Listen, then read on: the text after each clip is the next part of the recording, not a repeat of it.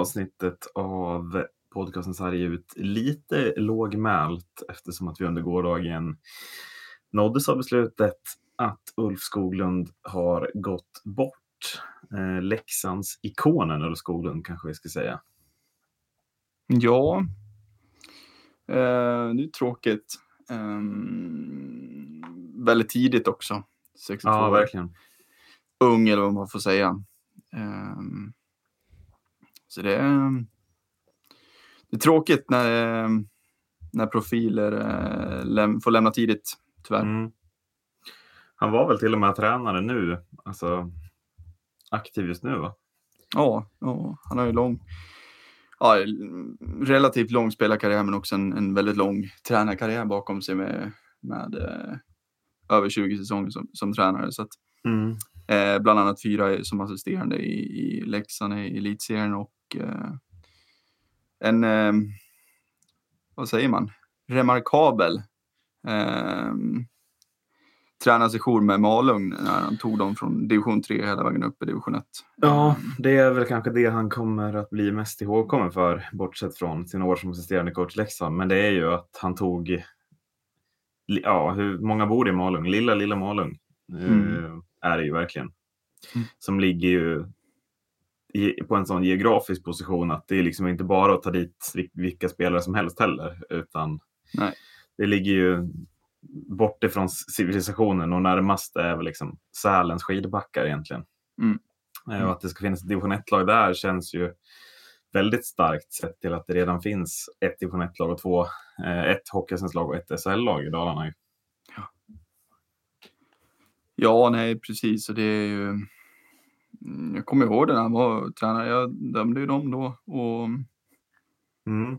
Otroligt, eh, trots liksom att ha gjort han var ju, det var ju liksom i slutet av karriären då. Um, men uh, ändå en uh, glöd och passion för, för sporten um, som han hade. Um, ja.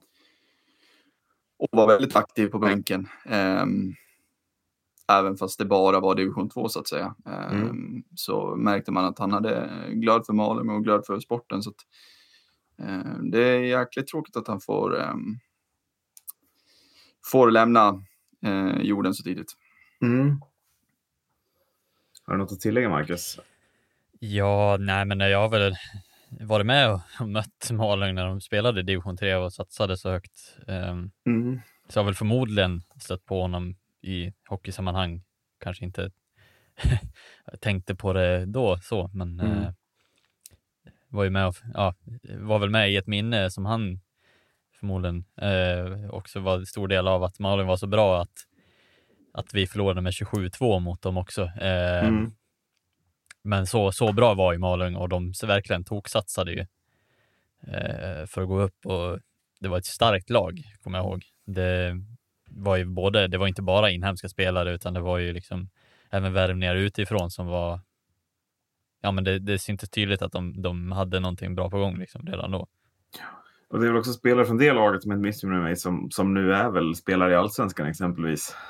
Um, Isak Hens är väl det exempel jag kommer på som att han spelar i Mora, men det finns säkert fler exempel också. Mm. Jag kommer inte på några nu direkt, men... Nej, du är väl bäst kunnigad? Eh, det är väl faktiskt inte så jättemånga. Eh, det är ju många som, som ändå är kvar. Mm. Um, så i, i klubben eh, just nu då. Eh, men eh, Isak Hens är väl den allra främsta från, från den eh, sessionen liksom som där Uffe var med och, och tränade. Eh, mm. Och tog upp honom från, från juniorerna och det eh, var ju en riktig ung tupp liksom. Eh, så det är, väl, det är väl han främst man, man liksom tar med sig från, från den tiden. Liksom. Mm. Eh, så att, nej, han, han gjorde det otroligt bra med dem. Ja. Och får vi se. Eh, vi, våra tankar med eh, ja, nära och kära till Ulf och till väl hela Leksand i det här läget av någon anledning. Eh, men det är den. Och vi, eh, ja, vi stannar där. Vi stannar kvar lite vid Leksand då. Eh, och går in, mer in på liksom, vad som faktiskt hände på isen. Eh, Leksand tog en, i mitt tycke, en väldigt, väldigt stark seger borta mot Växjö här under gårdagen när detta spelas in. Eh, under förrgårdagen ska jag säga, i torsdags. Det här spelas in på lördagen. Eh, ska vi först säga något om, om vad som, alltså Leksand före den här segern? För då såg det under fyra matcher ut ganska dåligt ut och som en rejäl formsvacka för Leksand med förluster mot Färjestad, eh, Oskarshamn och Örebro ganska klart. Eh, och sen slog man förvisso Djurgården på straffar, men det är ju inget lag som inte slår Djurgården just nu, tänker jag. Eh, så att jag, tyck, jag måste säga att jag, tycker, jag är väldigt imponerad av den här segern, för jag trodde Växjö faktiskt skulle styra av det där ganska lätt, sett till Leksands form för dagen. Ja, eh, det, kän det, känns lite som att det, är, det, det, var någon som nämnde det i skrift för inte så många dagar sedan att Leksand ser inte likadan ut utan Rivik.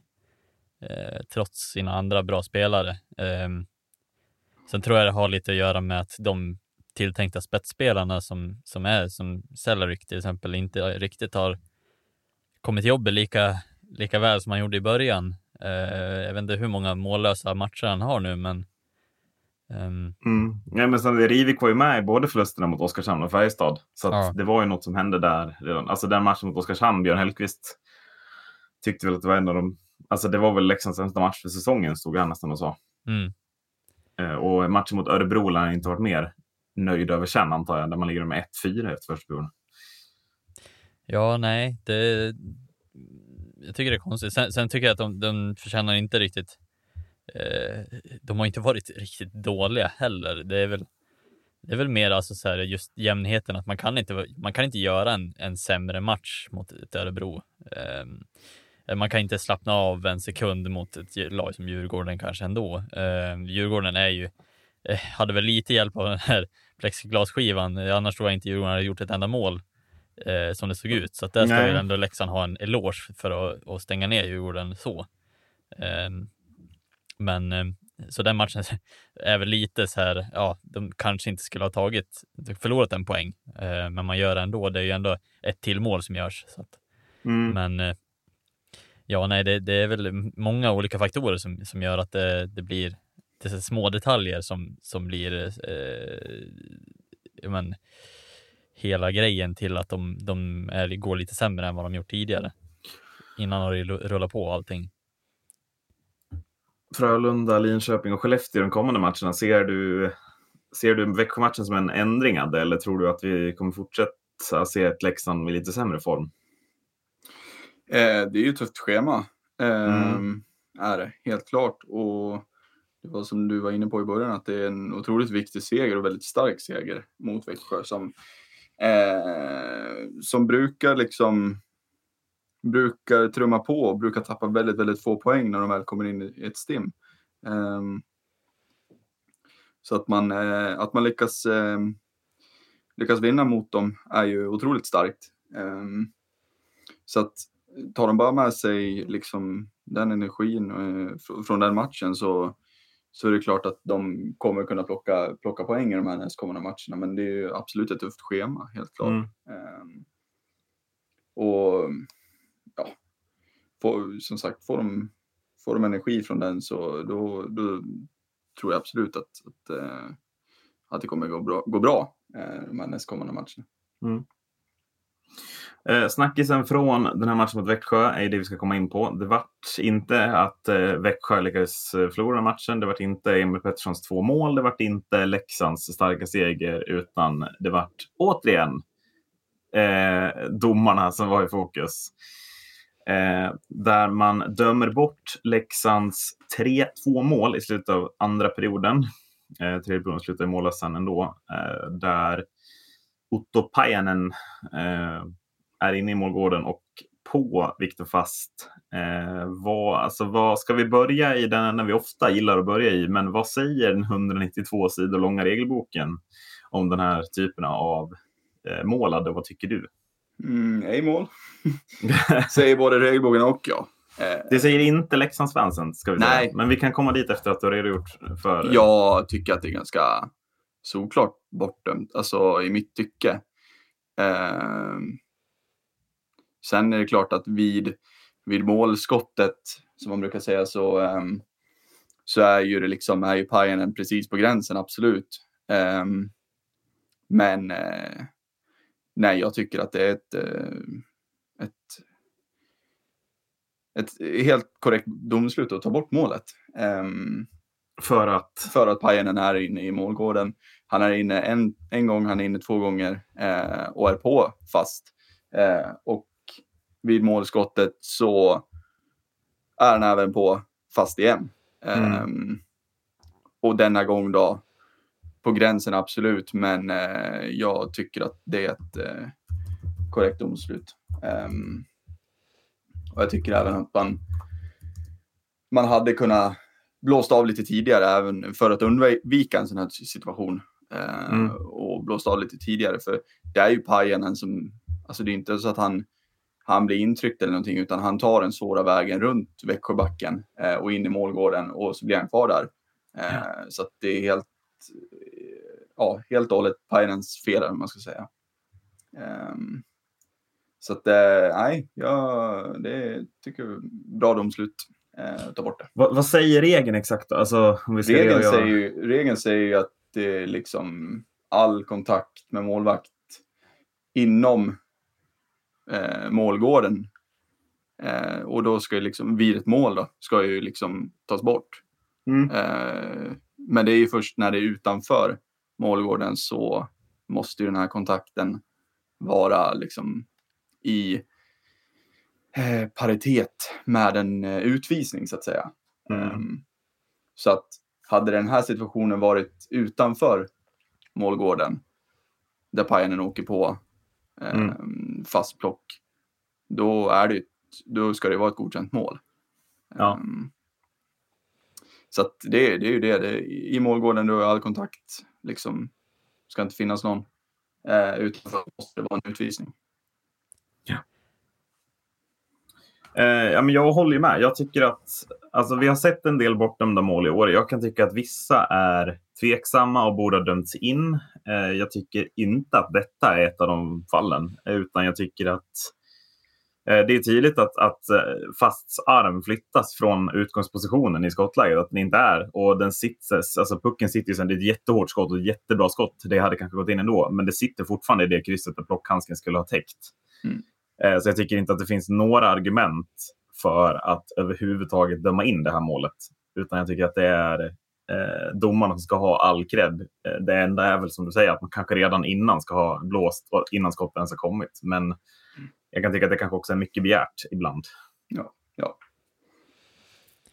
Eh, just för att gå tillbaka till också eh, det här med att den måste vara innanför målgården. För jag tror att många upplever också att han inte är innanför målgården när han touchar eh, Viktor Fast, att, att det är det som är orsaken till att det borde ha blivit mål.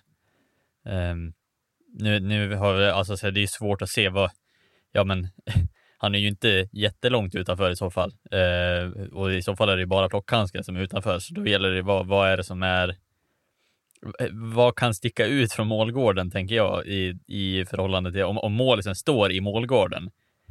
Han, han kan ju omöjligt hålla inne varenda del innanför längs en linje liksom om, man ska se det så. Um, ja. hur, hur, hur ser uh, reglerna ut där? Alltså så här, om han står i målgården, gäller då att han är i målgården? Oavsett om han har... Nej, en... alltså fast kan, ju liksom, fast kan ju vara i målgården, men han har ju liksom plock och stöt utanför. Mm. Eh, och, och säg Pajen i det här fallet åker på men då, då, är det ju, då är det ju mål om det inte ska vara utvisning så att säga. Då. Om man mm. inte har gjort någonting som ska rendera en utvisning. Men i det här fallet så tror jag att väldigt många stirrar sig väldigt blind på, på Pajanens skridskor i det här fallet. För att Pajanen är först, hela han är inne i målgården när han touchar första gången. Han är hela inne när han touchar andra gången. Mm. Men med målskottet så står ju Pajanen utanför med skridskorna. Mm. Men han är ju liksom, han är ju inne med, med armhandske i, mål, i målområdet, vad jag tycker. Liksom. Mm. Um, och då spelar det ingen roll. Då är det, ju liksom, det är ju samma sak där. Jag menar, Pajanen kan stå utanför med skridskorna, men har han en, en arm och en handske innanför målgården, då, då räknas han ju som, som inne så att säga. Ja, precis. För det blir ju också att även om det är en väldigt enkel kollision eller en eh, enkel kontakt Mm. så blir det ju att den är ju så enormt ehm, viktig kontakt. Alltså så här, det är ju hela plockhandsken måste han ju förflytta, alltså så här, han, den förflyttas ju mot andra sidan. Ja, Och bara den lilla rörelsen gör ju att ja, men, det kan ju räcka från att Viktor Fast faktiskt tar den där eller inte. Mm. Ehm, jag tänker också så här, eh, när man stör en målis framför målet till exempel. Man får väl inte störa Ja. målisen på, hur- alltså, på vilket sätt som helst heller. Jag tänker även, även sådana förseelser som att stå och vifta med handsken framför, framför nej, ansiktet precis. på målisen. Det är väl typ likvärdigt med den här typen av störning. Liksom, att Mm. Det blir väl också någon form av förseelse liksom, som är felaktig. ja precis, precis tycker jag också känns, känns det inte lite som en sån situation där man måste gå till sig själv lite. Um, Jon Knuts liksom, intervjuas efter den här situationen och säger att i Sverige är det här inte mål och i övriga ligor är det mål. Eh, det är lite tråkigt, säger han. Eh, jag kan känna att det blir lite av en bänkning från min sida av Jon Knut. här, För att då menar alltså han att om det här hade skett, att Växjö hade gjort det här målet, så tycker han att det ska vara mål. Eh, jag tror inte att Jon Knut som assisterande kapten i Leksand står och säger att det, där, ja, men, det är helt rätt att döma in det här om domaren hade gjort det om Växjö hade gjort målet. Och då tycker jag att hela den här kommentaren blir bara eh, pajig och, och faktiskt eh, pinsam från Knuts sida. Eh, jag kan känna att man måste titta på målet och så säger man om någon annan hade gjort det målet, vad hade jag tyckt då? Det är hela tiden min liksom, inställning till att så här, tycker jag att det här borde mål, även om någon annan gör det. Mm. Eh, och det hade jag inte tyckt. Eh, jag hade inte tyckt att det var mål om Mora hade fått det mot sig och inte heller om Mora hade fått det med sig. Sen hade jag såklart blivit glad om, Mora, om de hade dött in en Mora mål. Men eh, jag tycker fortfarande man måste se den, det är ju hela tiden det- den kontexten. Att så här, fast det här är ju det är ju kontakt i målgården. Och då Mm. någonstans måste ju gränsen gå, tänker Ja. jag. Precis. Men vad, vad, vad tycker du då, Macke? Vänta på ett svar. Jag sticker ut näsan och jag... Nej, men alltså jag, eh, jag tycker faktiskt att det här är... Den är gränsfall. Alltså så här, jag, jag, jag tycker inte att det ska vara mål heller. Eh, men jag, alltså så här, jag, jag förstår ju ändå att man är i, i hettan liksom tänker att ja, men det är ju sån liten kontakt och att fast kliver ut ganska långt. Men han är ju inte, han är ju inte uppenbart utanför mållinjen, eller alltså målgården. Nej. Eh, Jag tycker att Fast håller sig väldigt bra längs den linje han ska hålla sig. Mm. Och som, som du säger också med att ja, men han är ju inne, Pajanen är ju inne och diagonal åker liksom genom eh, målgården innan. Första kontakten tänker jag är den, är, blir ju avgörande för mig. Att han, han touchar fast tydligt in i målgården innan skottläget. Men att då är han ju redan där och stör. Så att, Ja, eh, precis. Och det blir liksom det här. ehm, ja, alltså så här, det, jag tycker att den är. Den är så solklar för att den är. Den, den tar bort en så stor del av. Av målisens kapacitet att rädda och det är väl därför jag tycker att det är. In, alltså inte blir mål. nej. Alltså visst om man hade alltså så här, råkat touchat hans benskydd eller någonting, men nu blir det ju, alltså plockhandsken försvinner ju från bilden helt och hållet. Och, och det blir liksom att fast, även, även om det är en sån kort sekvens, så räknar, alltså de hundradelarna som han försvinner med plocken, det är ju skillnaden mellan en räddning eller ett mål. Ja. Och då blir det så, så uppenbart, tycker jag, att, att det, det blir en sån pass störning att mål, målisen inte kan utföra sin normala räddnings, alltså procedur eller vad man ska kalla det. Mm. Och därför tycker jag att det inte är mål. Eh, men jag förstår också att många tycker att ja, men det är sån liten touch och Pajanen åker ju bara där och han är utanför målgården. Och, eh, men det, det, det blir liksom, den, den blir så oerhört viktig kontakt, den där lilla grejen. Eh, och jag tycker att han kan undvika den. Jag tycker att han, han kunde ha alltså så här, han ha eh, ställt sig framför fast utan att kontakta den. Precis, jag tycker också att det blir... Att Pajanen måste väl inte, jag vet inte hur du tänker, men han måste ju inte ta vägen genom målgården för att komma till den positionen. Han kan ju Nej, faktiskt åka nej. på kanten av målgården och komma framför. Ja. Ja, Men vad tycker ni om Knuts? Reagerar jag för hårt bara för att jag inte gillar Leksand? Eller är det en pinsam kommentar? Jag har inte sett, alltså jag, jag hörde den ju först nu. Jag visste inte om att han hade kommenterat. Men jag tänker generellt sett så tycker jag att eh, visst, man ska kunna uttala sig om sitt missnöje mot domare, men då ska den verkligen vara förtjänad. Alltså så här, nu tycker jo, men, jag det här, jo, absolut. Men, men just när man säger att i Sverige är det inte mål och i övriga ligor är det. Ja, men spela inte i Sverige då, John Knuts. Ja, nej, men om du nu alltså, tycker att det är så hemskt, då fan byt liga då om du vill att det här ska vara mål. Ja, precis. Det blir lite fel, fel signaler. Snacka om huselt argument. Ja. Att ja, men så här spelar vi ju här. Jag fattar inte. Ja. ja. Ja, men precis. Det är lite som att säga, ja, men i USA tillåter de slagsmål. Ja. Eh, det blir lite också, eh, hade det, ja, i USA då hade jag inte åkt ut matchstraff om jag hade slått, slagits. Liksom. Ja, men, Nej, men det blir alltså, så här, det är ja. så här reglerna är här. Det är väl Ja, inga precis. konstigheter med det. Då får man väl bara alltså, spela efter reglerna och inte efter hur det är i Tyskland eller USA Mm. eller kinesiska ligan. Ja, precis. Jag, jag säger bara en sak. Alltså så här, alla de här spelarna och allting har ju gått med på det här själva. Lagen har Mm.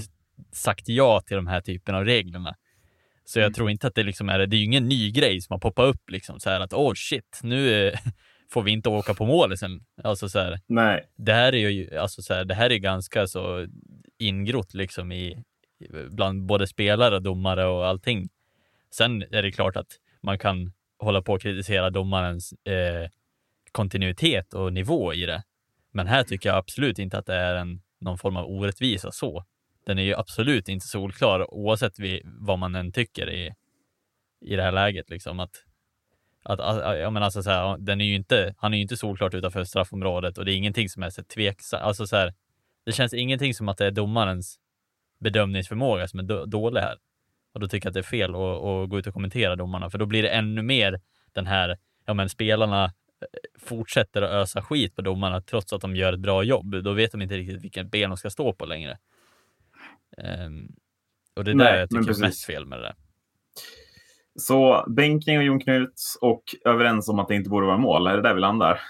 Ja. Härligt. Då går vi vidare. ja.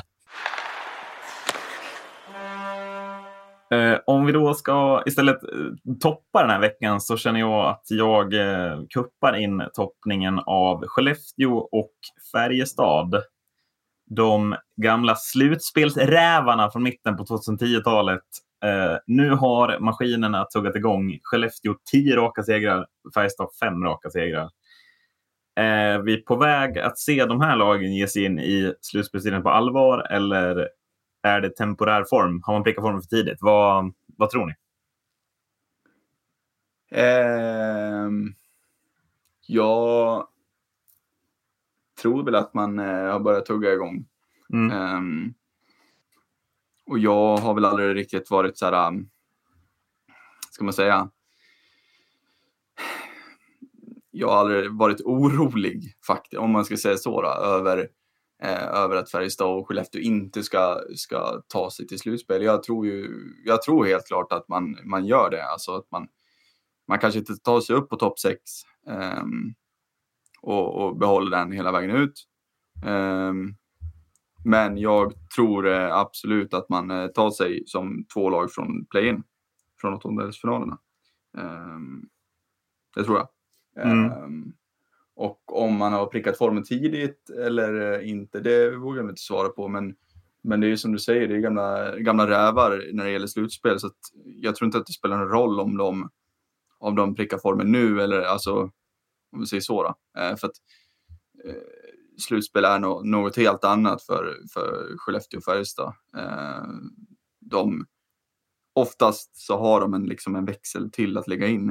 Eh, och när de kanske har legat på en, på en hög växel, gått ner sig inför slutspelet, så då lyckas de alltid att, att trycka igång den, den högre växeln igen. Um, så att, eh, ja, jag, jag tror, tror helt klart att eh, andra lag borde vara väldigt oroliga. Mm.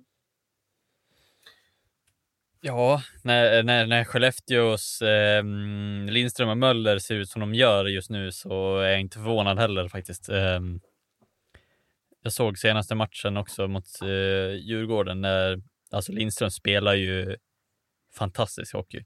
Eh, och jag förstår ju, som jag hörde på eh, Robin Figren i, i en annan podd, eh, vad det nu heter, Släppsargen.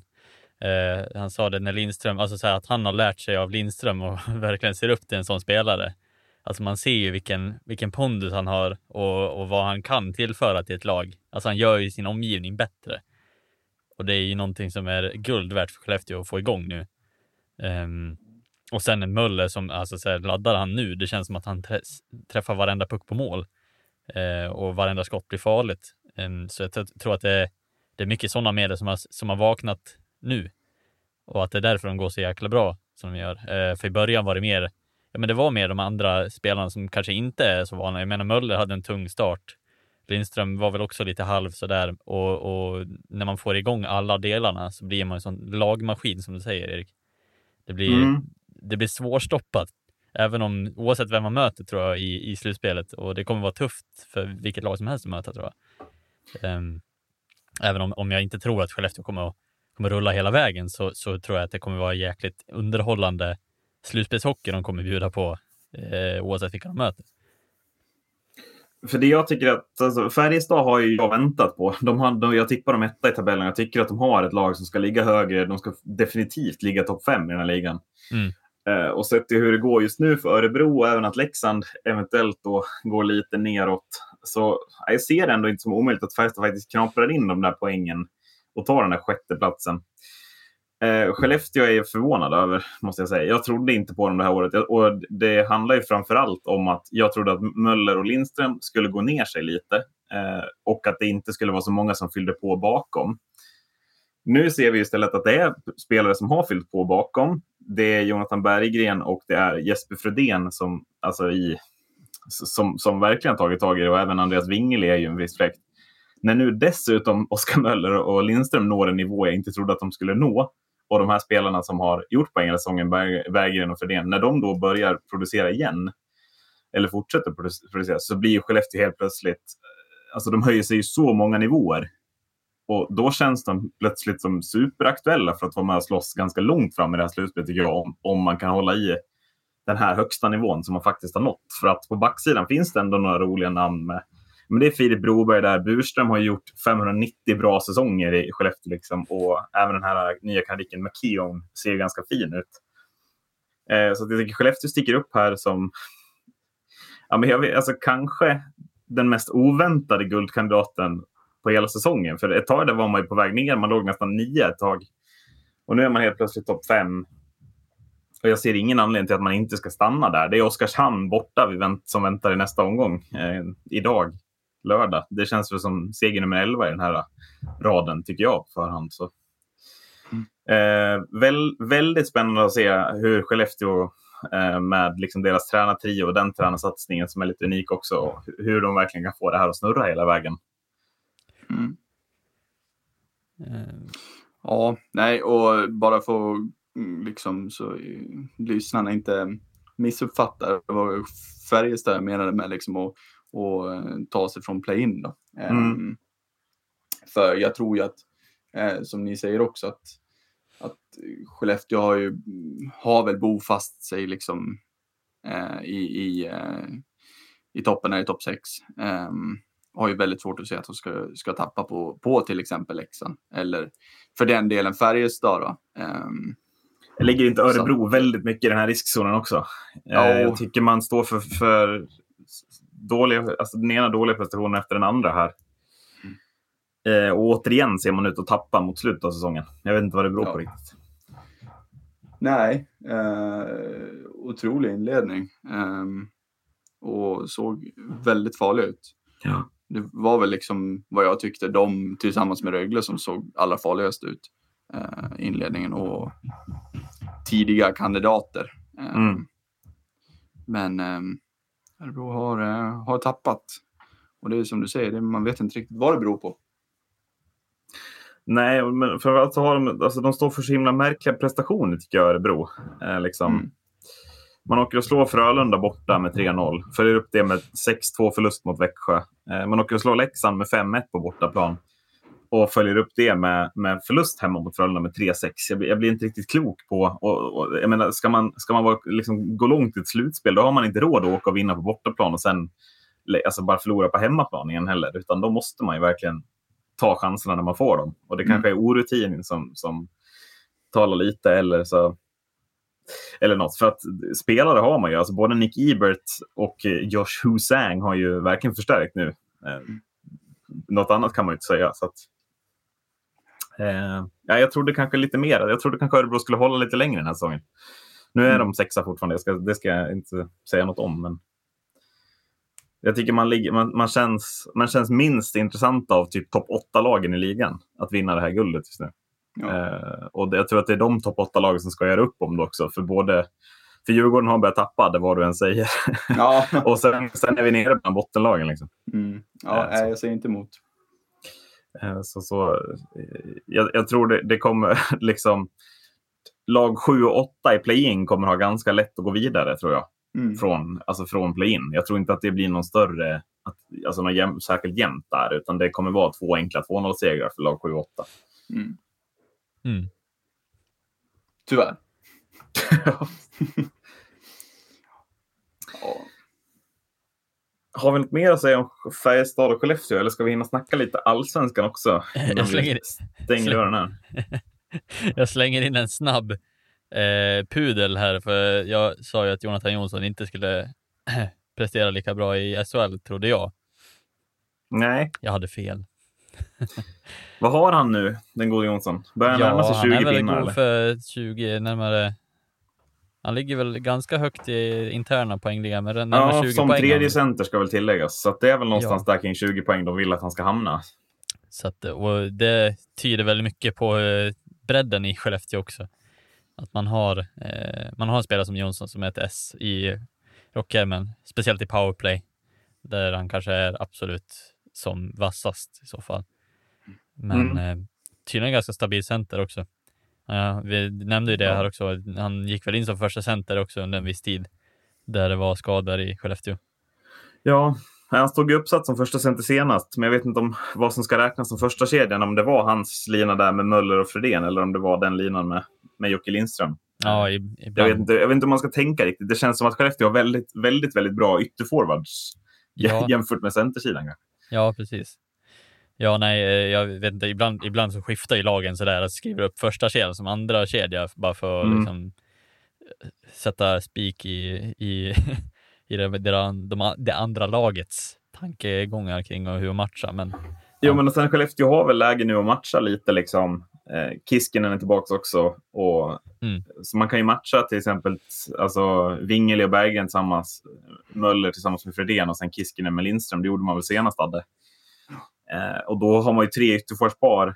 Alltså det spelar ingen roll vilka som står etta eller, eller som trea där. Det blir ungefär lika mycket speltid på dem alla eh, i 5 mot 5. Liksom. Ska vi prata lite Hockeyallsvenskan då? Det är efter många veckor utan Hockeyallsvenskan. Känner du dig taggad på Hockeyallsvenskan? Vilda Väsby. Mm. De fick stryk igår kan jag hälsa. Med 7-3 av fina, fina Mora IK. Men ska vi börja i botten? För det är där Väsby håller till om vi nu ska hamna där. Eh, finns det någonting som kan hindra Väsby och Kristianstad från att bli botten två, tror ni? Nej. Jo. Det är om Modo inte vinner en match till. Mm. Ja. Där det är inte helt omöjligt kan jag säga. Nej, För men... de främsta utmanarna är väl Modo och Vita Hästen? Ja. Eller Almtuna kanske. Eh, men Modomacken, ny tränare på plats, Magnus Sundqvist. Det är väl ändå ett steg upp sett till tidigare den här säsongen? Ja, alltså jag, jag hoppas väl bara till gudarna att det är någonting som gör att vi tar mer än sex poäng nästa 15 matcher eller något sånt där. Nej, mm. men alltså jag, jag hoppas att det bara, det kan ju inte bli sämre tänker jag. Alltså så här, jag, jag tror bara att det handlar om eh, alltså så här, idrottspsykologi och, och all mental närvaro hos spelarna mer än vad det handlar om vem som står i båset. Och jag tror att bara för att få en förändring, alltså visst, Styv gjorde en viss positiv trend i början, men det, det är synd att det inte funkade för Styv, tänker jag. Eh, dels också när han har varit så länge i klubben och ändå gjort ganska bra över fem års tid och så helt plötsligt blir han inslängd på den här positionen och så bara okej, okay, det funkar inte, men han var inte förberedd på att vara huvudtränare heller. Så att, jag tycker att det är lite det som blir lite synd. Han blir inte kvar heller i klubben som assisterande eller någonting sånt. Nej. Oavsett vad folk säger så tycker jag att Steve gjorde ett jävligt bra jobb bara på uppstuds. Liksom.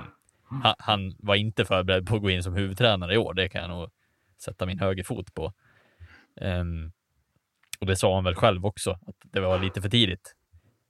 Men um, så det är det jag tycker är lite synd. Jag tycker inte att det är Styvs fel, utan jag tycker att det sitter högre upp. Uh, man skulle inte ha kastat in Styv.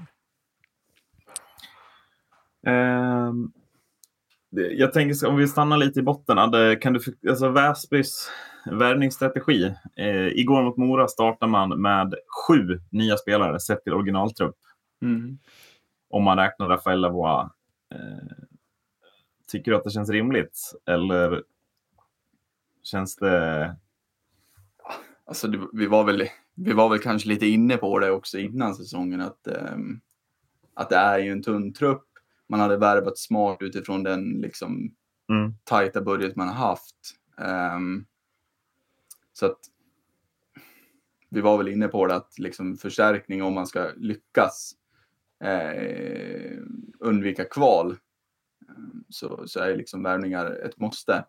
Mm. Um, sen har väl egentligen inte så jättemånga värvningar fallit väl ut. Um, Nej, däremot har man ju värvat ihop en första kedja som, jag, jag såg den här matchen igår, Mora-Väsby, den är ju riktigt bra. Mm. Rafaela var Colin Smith och Tobias Lindberg. Tobias Lindberg och Colin Smith kom inte under säsong. Det är ju en helt annan nivå sett i övriga laget. Ja. Eh, så jag tycker ändå att ser man bara till de värvningarna så är det faktiskt riktigt, riktigt starka värvningar. Colin Smith kommer garanterat vara intressant för, för topplag i Hockeyallsvenskan till nästa säsong.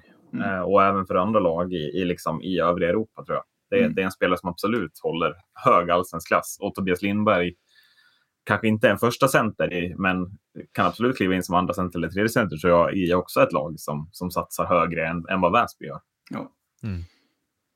Nej, så, men bland annat liksom Kemp på backen. Mm. Um, har ju inte rosat marknaden i mitt tycke liksom. Um, Vad vet du om honom också? Är han typ talang? Eller?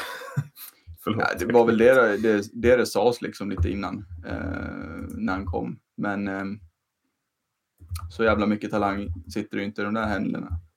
Nej, det var, det var väldigt, väldigt mycket. Alltså, jag, det här, men det jag sett är det är väldigt mycket liksom skjuta på allt-grej som är lite liksom. Jag vet inte om det är så bra att alltså så. Nej. Komma in och bara. Komma in och skjuta på allt liksom. Nej, nej precis. Uh, det funkar väl uh, där borta, men inte här liksom. Nej.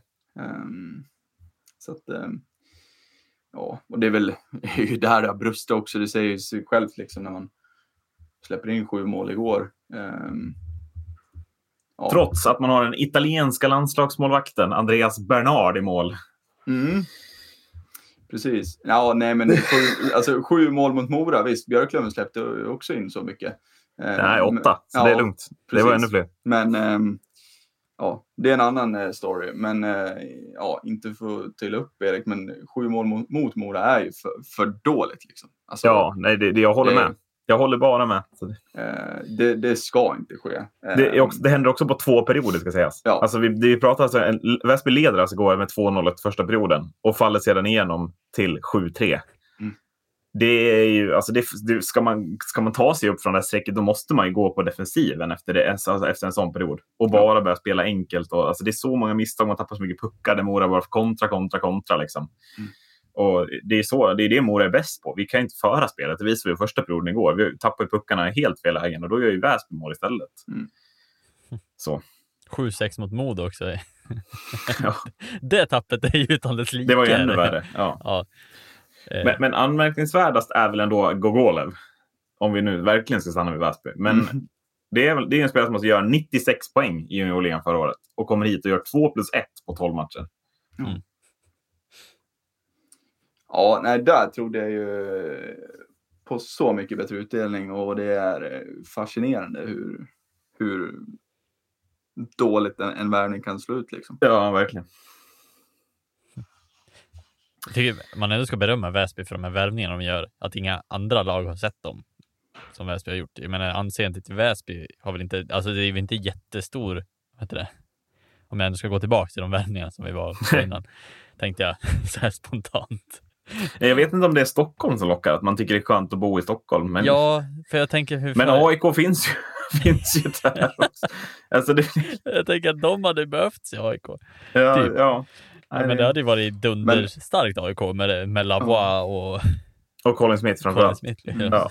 Men jag tänker med en, en sån som alltså, Lavois i början, det var ju, det tror jag enbart var för att det var så tätt in på säsongen. Eh, Mm. Eller det var liksom i början av säsongen. Eh, och jag tror att lagen, övriga lagen kände sig liksom okej, vi är liksom, nu, nu, nu är vi klara, nu har vi det bra ställt inför säsongen.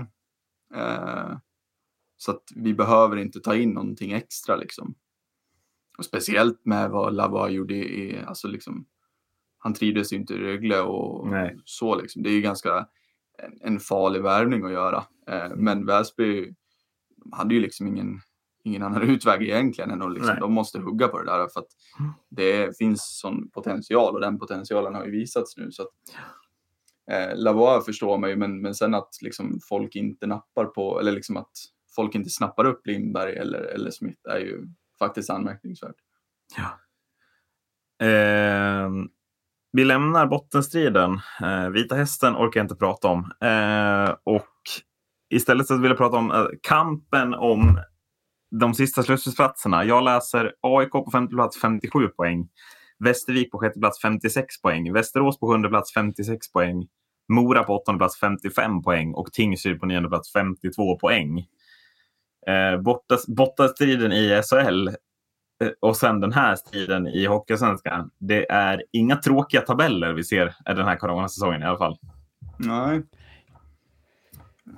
Det är en eh, rafflande avslutning på säsongen kommer det bli. Mm. Ehm, och att Tingsryd och eh, Mora är där eh, är för mig lite chockerande faktiskt.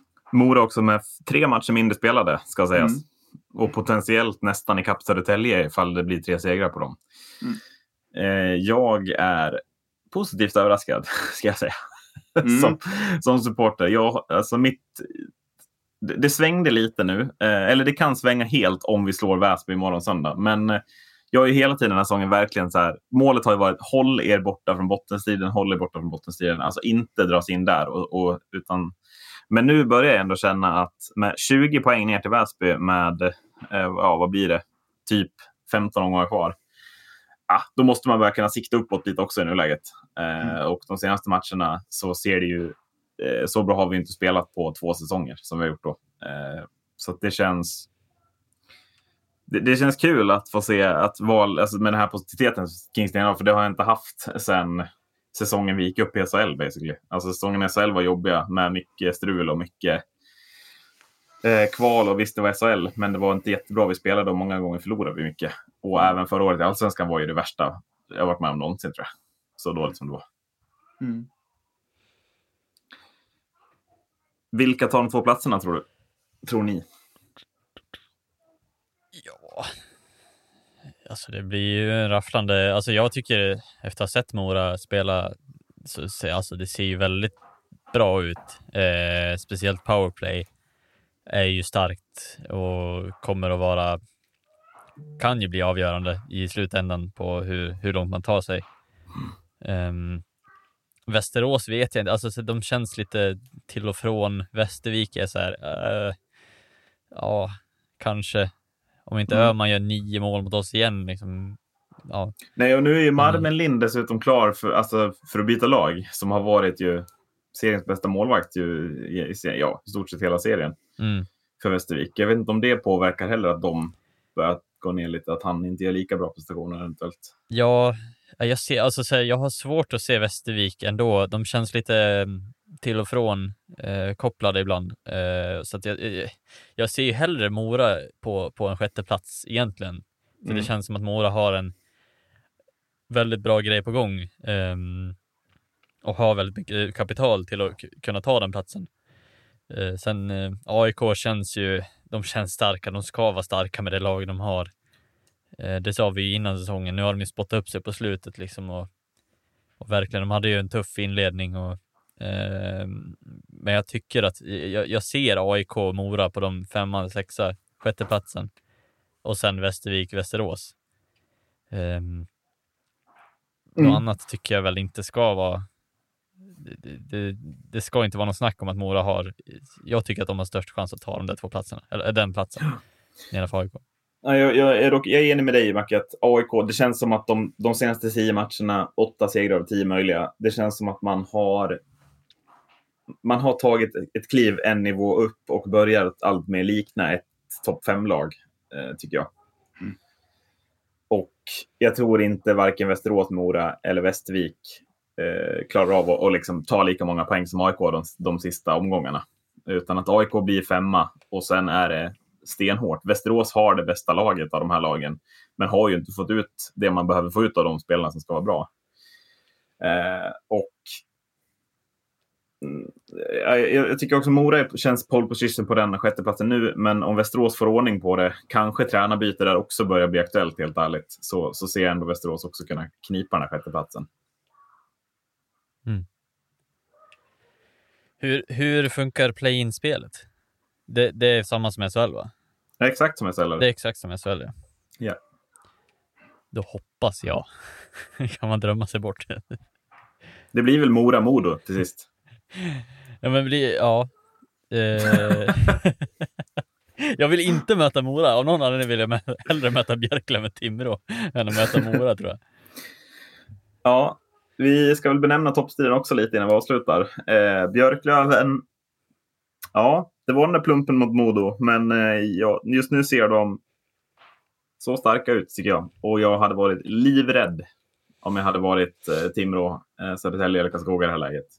För Björklöven börjar tugga igång tror jag. Ja, och med Polin tillbaks så... Polin heter han. Mm. Jag säger Polin. Men eh, med han tillbaks så, så, så blir det ju... Jag menar, om inte, om inte det var starkt innan så extremt mycket starkare. Eh, Polin, har, ju missat en hel del matcher på grund av skada. Två tillfällen. Eh, så jag tror att det är lite där eh, det haltar lite hos Björklöven. Eh, tyvärr. Att det har blivit så att de har halkat lite under BIK Skoga. Sen har de ju fyra matcher mindre än BIK Skoga också. Så att, Mm. men, men i ett, i ett slutspel, ja, kan Björklöven hålla nerverna på rätt ställe liksom och inte börja fundera för mycket på, på om vi ska gå upp eller att fokusera på varje match, då tror jag att Björklöven kommer att plocka hem det. Um, för Timrå känns, eh, även om de, alltså, så här, de har ju, tolka mig rätt, liksom, de har ju varit extremt starka. Eh, men det känns som att de har större kapa, kapital till att, till att misslyckas också. De, de känns lite så här, kan ha, fokusera på andra saker. Mm. Eh, det säger väl allt när man gör, när Dahlén gjorde noll poäng mot Modo i två matcher i rad. Eh, trots att vi var så mycket sämre. Eh, så känns det som att Dahlén kan, det kan låsa sig för honom.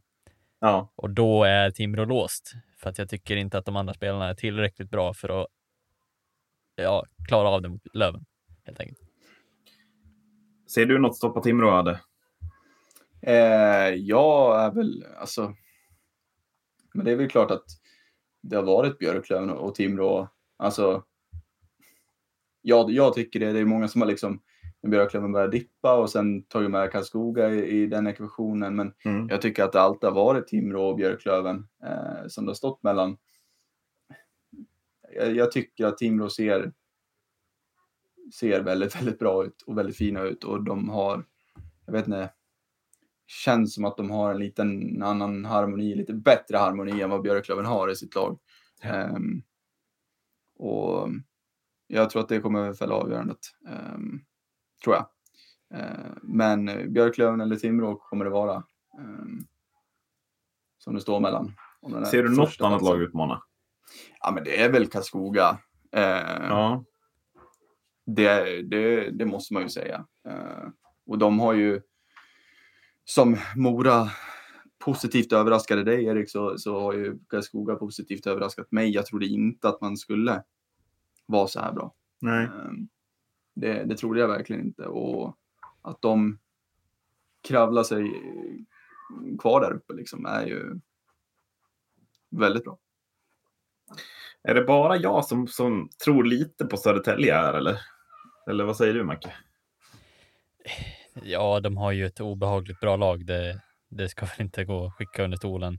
Jag tror att det är också så här Södertäljes sista år att kunna eh, på riktigt utmana det om det under en snar framtid. Eh, jag tror att man kommer, som vi diskuterade igår, så tror jag att man har. Det finns en risk att man hamnar i det läget Modo hamnade i förra året. Man har väldigt duktiga individuella spelare. Mm. Blomstrand, Nick Olsen.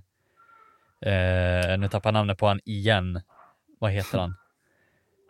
Oh, nej, Måns Lindbäck. Måns Lindbäck, så heter han. Jag vill ja, men Åman sen tänker jag också, man har så här, alltså en sån spelare som typ Hugo Gustafsson också. Ja. Född 2000 liksom. Det kanske inte är en toppspelare i Allsvenskan, men, men det, risken är väl att han hamnar i, i Djurgården exempelvis. Eller? Alltså tänker jag. Mm. Mm. Ja. Eh, Bara på grund av ålder och, och liksom den, den hela ekvationen också. Ja, och Albin Karlsson har ju också sett bra ut. Lukas Karlsson. Lukas Karlsson. Albin Karlsson det är ju en annan. Albin Karlsson är i Timrå. Ja, precis. Han har också sett bra ut. Ja, det har han absolut gjort. Men jag tänkte om vi var på Södertälje. Ja, jag hoppar lite fri. Nej, Mm. det, var, det var självklart han jag menade. Men jag tänker Södertälje förstärker lite nu också. Alltså det är Jussi Rinnes på backplatsen, det är Lukas Nordsäter som lades in på, eh, nej, eller på Rinnes på målvaktsplatsen, Nordsäter på backplats. Och sen värvar man ju den här Samuel Bitten samt som man lånar in Oskar Olausson, junior-VM-spelaren på forwardsidan. Det är ändå fyra, fyra förstärkningar kanske. na.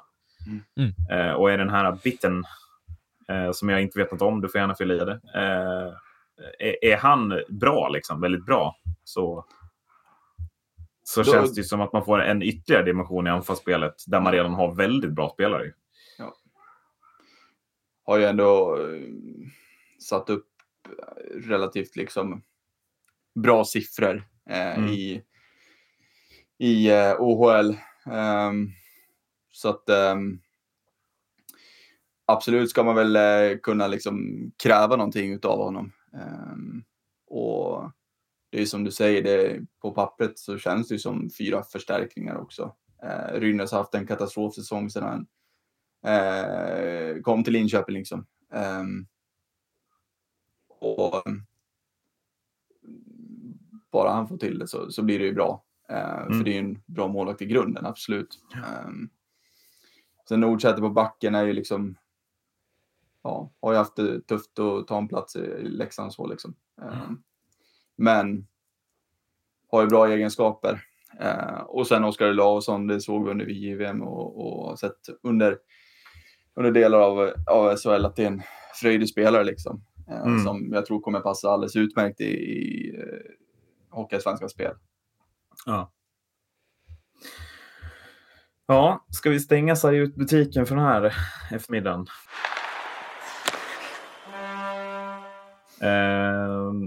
Om Modo nu under sin nya tränare man man ska börja vinna matcher så måste de ju börja spela enklare i egen zon. Och då finns det ju bara ett sätt att göra det på.